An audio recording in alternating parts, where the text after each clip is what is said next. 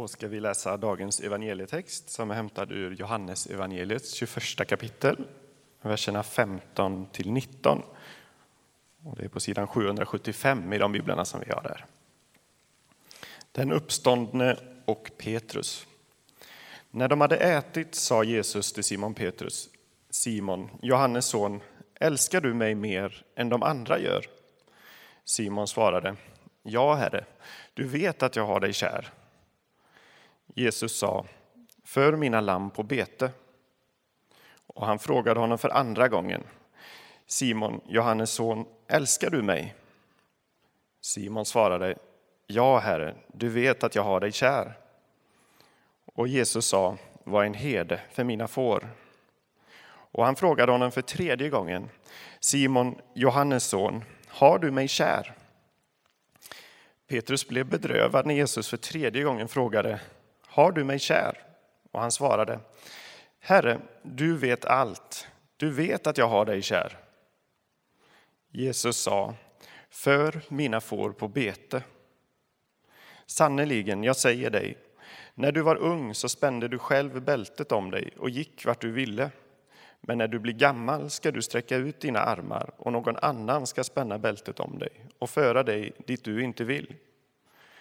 Så angav han med vad för slags död Petrus skulle förhärliga Gud.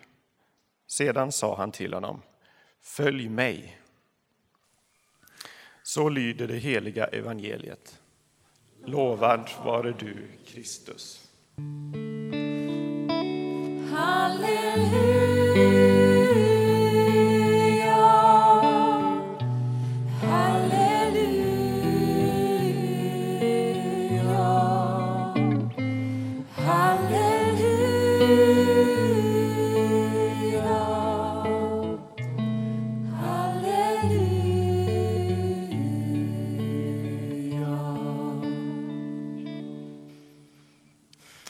välkommen till oss. Tack för att du är här.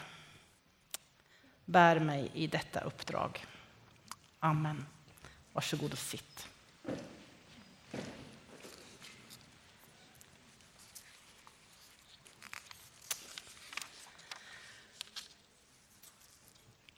Påsken är förbi, de stora påskhelgen. Jesus har dött på ett kors och uppstått. Men han har inte besegrat romarriket.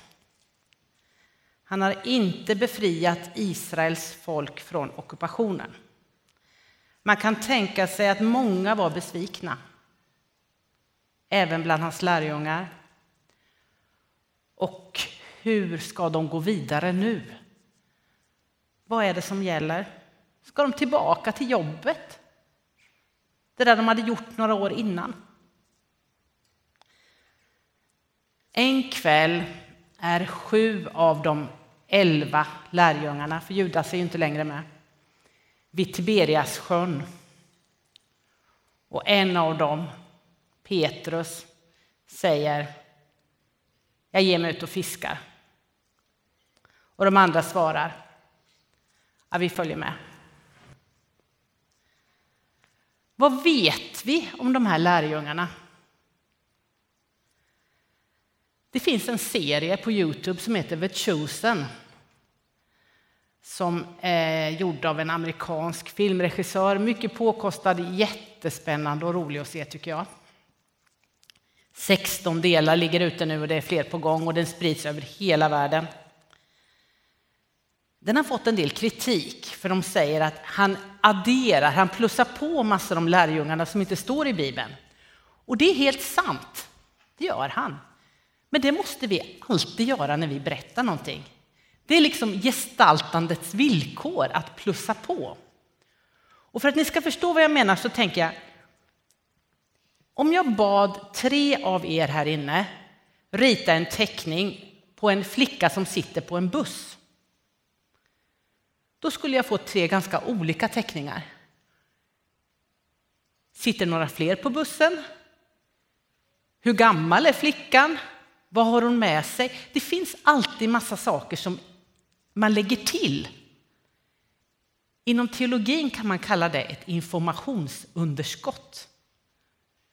Och då fyller man på. Och det är inget konstigt och fel, men man ska vara medveten om man gör det. Och jag kommer ta upp det några gånger nu i min predikan, så därför vill jag börja med det. Nu handlar det om lärjungarna. Vilka var de? Ska vi börja med att fundera på hur gamla de egentligen var? Jesus var cirka 30 år. Det står det i Bibeln. Men står det hur gamla lärjungarna var? Vet ni? Det finns mycket som talar för att de, bortsett från Petrus, var tonåringar. Det finns tre argument man brukar använda. Det första är att Petrus är den enda som verkar ha varit gift. Det står ju om hans svärmor Petrus.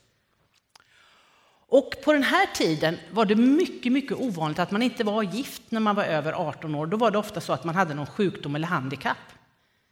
Så de var alltså under 18 år i så fall. Det andra argumentet är att det står i Matteusevangeliet att bara Jesus och Petrus betalar tempelskatt och enligt Mose lag skulle alla över 20 år göra det. Alltså var de andra under 20 år. Och sen det tredje är ju att många av lärjungarna, eller vi vet ju många berättelser om vad som hände med lärjungarna långt efter Jesus hade dött. Så de kan ju inte ha varit så jättegamla vid hans död. För hur länge kunde de? Det talar också för att de var ganska unga. Och att ha med sig det här när jag upptäckte detta eller fick reda på detta, det ger ett annat ljus till en del berättelser för mig. Det här att, eh, att de bara kunde lite hänga på, att de inte hade lika mycket plikter som om de hade varit familjefäder. Det är också något väldigt fint med att de var tonåringar troligen, om det nu var så. Att en tonåring, att en ung människa kan få sånt stort förtroende och kan betyda så mycket för framtiden. Det vill jag gärna bära med mig detta. Och så Petrus då. Han var äldst och han blir en ledare. Varför blir man ledare i ett sammanhang? Ja, det kan ju vara något med personligheten, att han, man tar initiativ, att man försöker få, man är bra på att få med sig folk. Det kanske spelar in att han var äldst också.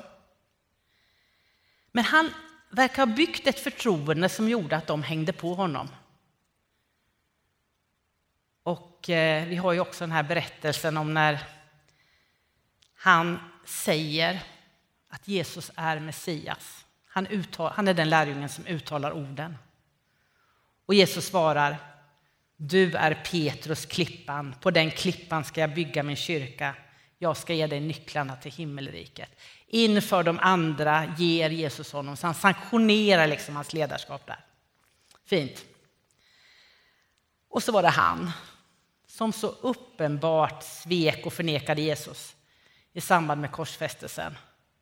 Alltså, vi vet ju inte hur han tänkte då, men min bild när jag läser är att han kanske mest svarade reflexartat sådär, nej jag känner inte den mannen. Mer det än att han verkligen tänkte igenom det. Men det står att han grät bittert när han insåg vad som hänt. Och för mig är de tårarna viktiga. Det betyder något att han inte bara gick vidare och gjorde något annat. Att han både inför sig själv och omgivningen visade vad som verkligen betydde något.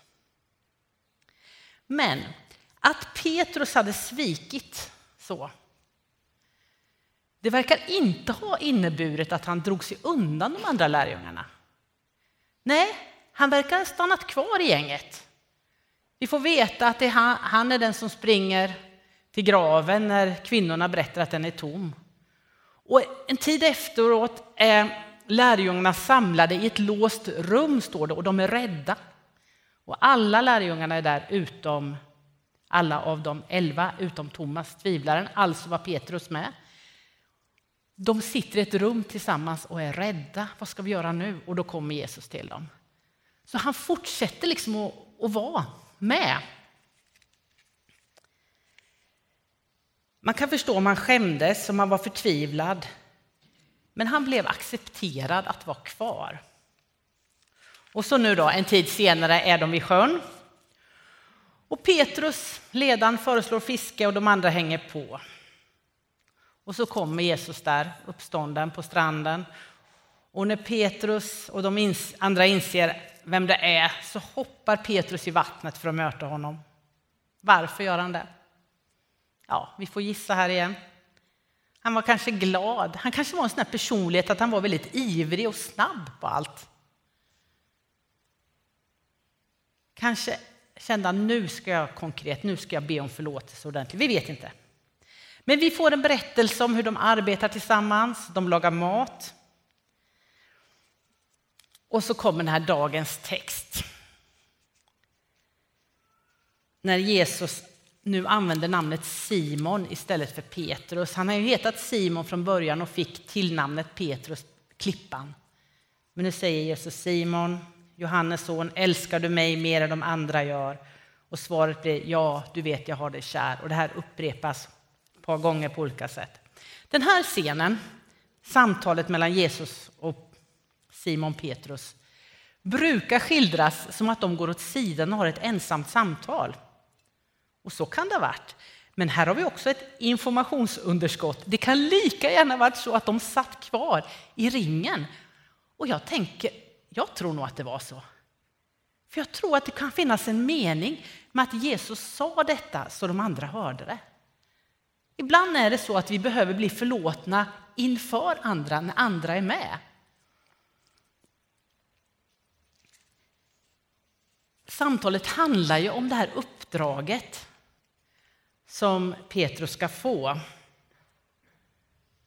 För mina får på bete. Det handlar om att hjälpa människor att hitta rätt. Var en herde för mina får. Jag tänker, det handlar om att ta hand om, älska människorna. Det är ett slags själavårdssamtal, tänker jag. Eller ledarskapshandledning men också en upprättelse, kanske inför de andra. Ledare. Brukar du vara ledare? Alltså, de flesta människor är ju det i olika situationer av livet. Inte bara formellt utsedda ledare, utan i vardagliga situationer. På jobb eller bland grannar. Eller... Jag var på en kurs en gång och fick frågan vad har varit din största ledarskapsutmaning? Det fick vi. Och när jag tänkte så tänkte jag det var nog att bli förälder. Oj, vilken utmaning det är. Här ska man serva och älska och ha tålamod och sätta gränser för människor som förändras hela tiden plus spendera oerhört mycket tid tillsammans. Det är en enorm kurs i ledarskap, tänker jag. Jag ska dela en liten sak som hände när mina barn var små. Då var de kanske två och fyra år gamla. Och de var ensamma i köket. Och de hade hittat ett paket O'boy. Och sen hittade de på en lek som man skulle kunna kalla O'boy-leken. Och det är att man tar O'boy-pulver och kastar i luften. Och så sprider sig det liksom i håret och på golvet och ja, bord, bänkar överallt. Och när jag kom ut i köket och fick se, de hade så roligt, ni kan tänka er, och när jag kom ut i köket och fick se detta, jag blev helt, jag blev så arg. Helt matt liksom. Och snabbt ut med barnen i duschen och schampo och argstäda sådär jag så här får det inte gå till. Och nu kommer ni aldrig mer få dricka O'boy här hemma, sa jag. Och medan jag höll på med detta så blev jag ju lite full i skratt för att det var ju egentligen ganska gulligt. Men samtidigt så kunde man ju inte visa det för barnen utan jag höll stilen sådär. Va? Och sen några veckor senare så, så frågar min mamma, den äldsta, hur har ni det hemma nu? Blir det aldrig mer O'boy? Nej, sa hon, nu dricker vi bara ICAs chokladdryck. alltså, det är... Att vara ledare, det är ju att leva i relation. Att ha brister, men att fortsätta älska. Att förlåta varandra.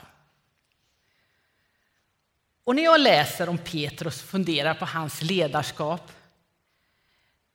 Jag tänker att han, jag tror att han var en snäll person.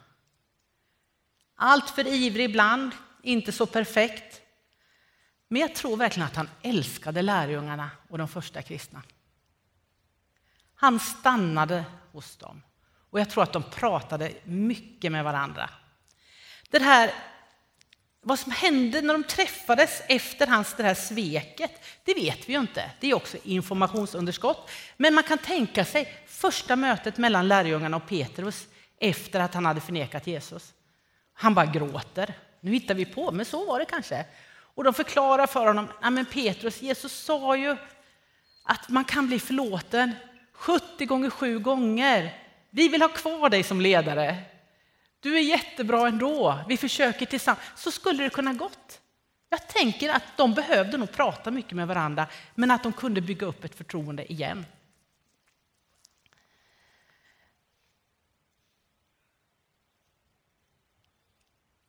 Petrus blir för förlåten inför de andra och det tror jag är viktigt när man ska bli ledare för en kyrka. För han vet att han själv kommer vara tvungen att förlåta många. Tänk vad många Petrus var tvungen att förlåta senare. Han blir vald till ledare fast han har många brister och alla vet om det. Och det kanske är bra. Det gör att han inte blir någon slags halvgud på någon piedestal, någon ofelbar. Vi har en ledare. Vi är ledare i våra brister, men kraften finns i viljan och uppdraget och kärleken. Strax efter att han har fått det här fina uppdraget av Petrus, man kan tänka sig oj vad fint, så står det att en annan lärjunge är bakom och så vänder sig Petrus, det handlar om hur de ska dö. Och så vänder sig Petrus och frågar till Jesus, men hur blir det med honom? Sådär nyfiket intresserat. Och så säger Jesus, Var rör du dig? Du ska följa mig. Alltså igen, lite tillrättavisande. Han som nyss var, så är det. Han var bara en människa. Det är tre saker som jag har velat ta med, skicka med i den här predikan. Daniel sa att man brukar ta sina tre punkter i, i början, men nu tar jag dem i slutet. Det första är det här med informationsunderskottet i Bibeln. Om man blir medveten om det, det är väldigt roligt inför sin bibelläsning och inför att titta på filmer, se gärna The Chosen och andra filmer eller böcker eller så. Vänta, vad av det här vet vi och vad gissar vi och vad kan det, man hittar nya djup. Så ha med er det i er, när ni tar in evangelietexter. Och predikan, det jag säger också, jag har ju fyllt i mina antaganden. Det var en sak. Det andra handlar om förlåtelse. Hur det kan gå till, ensam med Jesus eller tillsammans med en präst i fängelset som Alvaro berättar tillsammans med varandra. Hur viktigt det är med förlåtelse. Och att vi kan behöva prata mycket med varandra om saker som har hänt och hur vi vill gå vidare. Visa varandra kärlek i det. Och sen det sista då, det här med ledarskapet. Med blicken på Petrus på något sätt, hans ledarskap. Det handlar ytterst tror jag om att älska dem man leder. Och älska är ett stort ord. Om man tänker att jag ska leda en grupp praktikanter på jobbet. Nu ska jag börja älska dem, men känna kärlek, vilja dem väl, ha hjärta. Ha hjärta för den man leder. Att det är uppdraget. Att stanna kvar, fortsätta prata och förlåta varandra. Amen.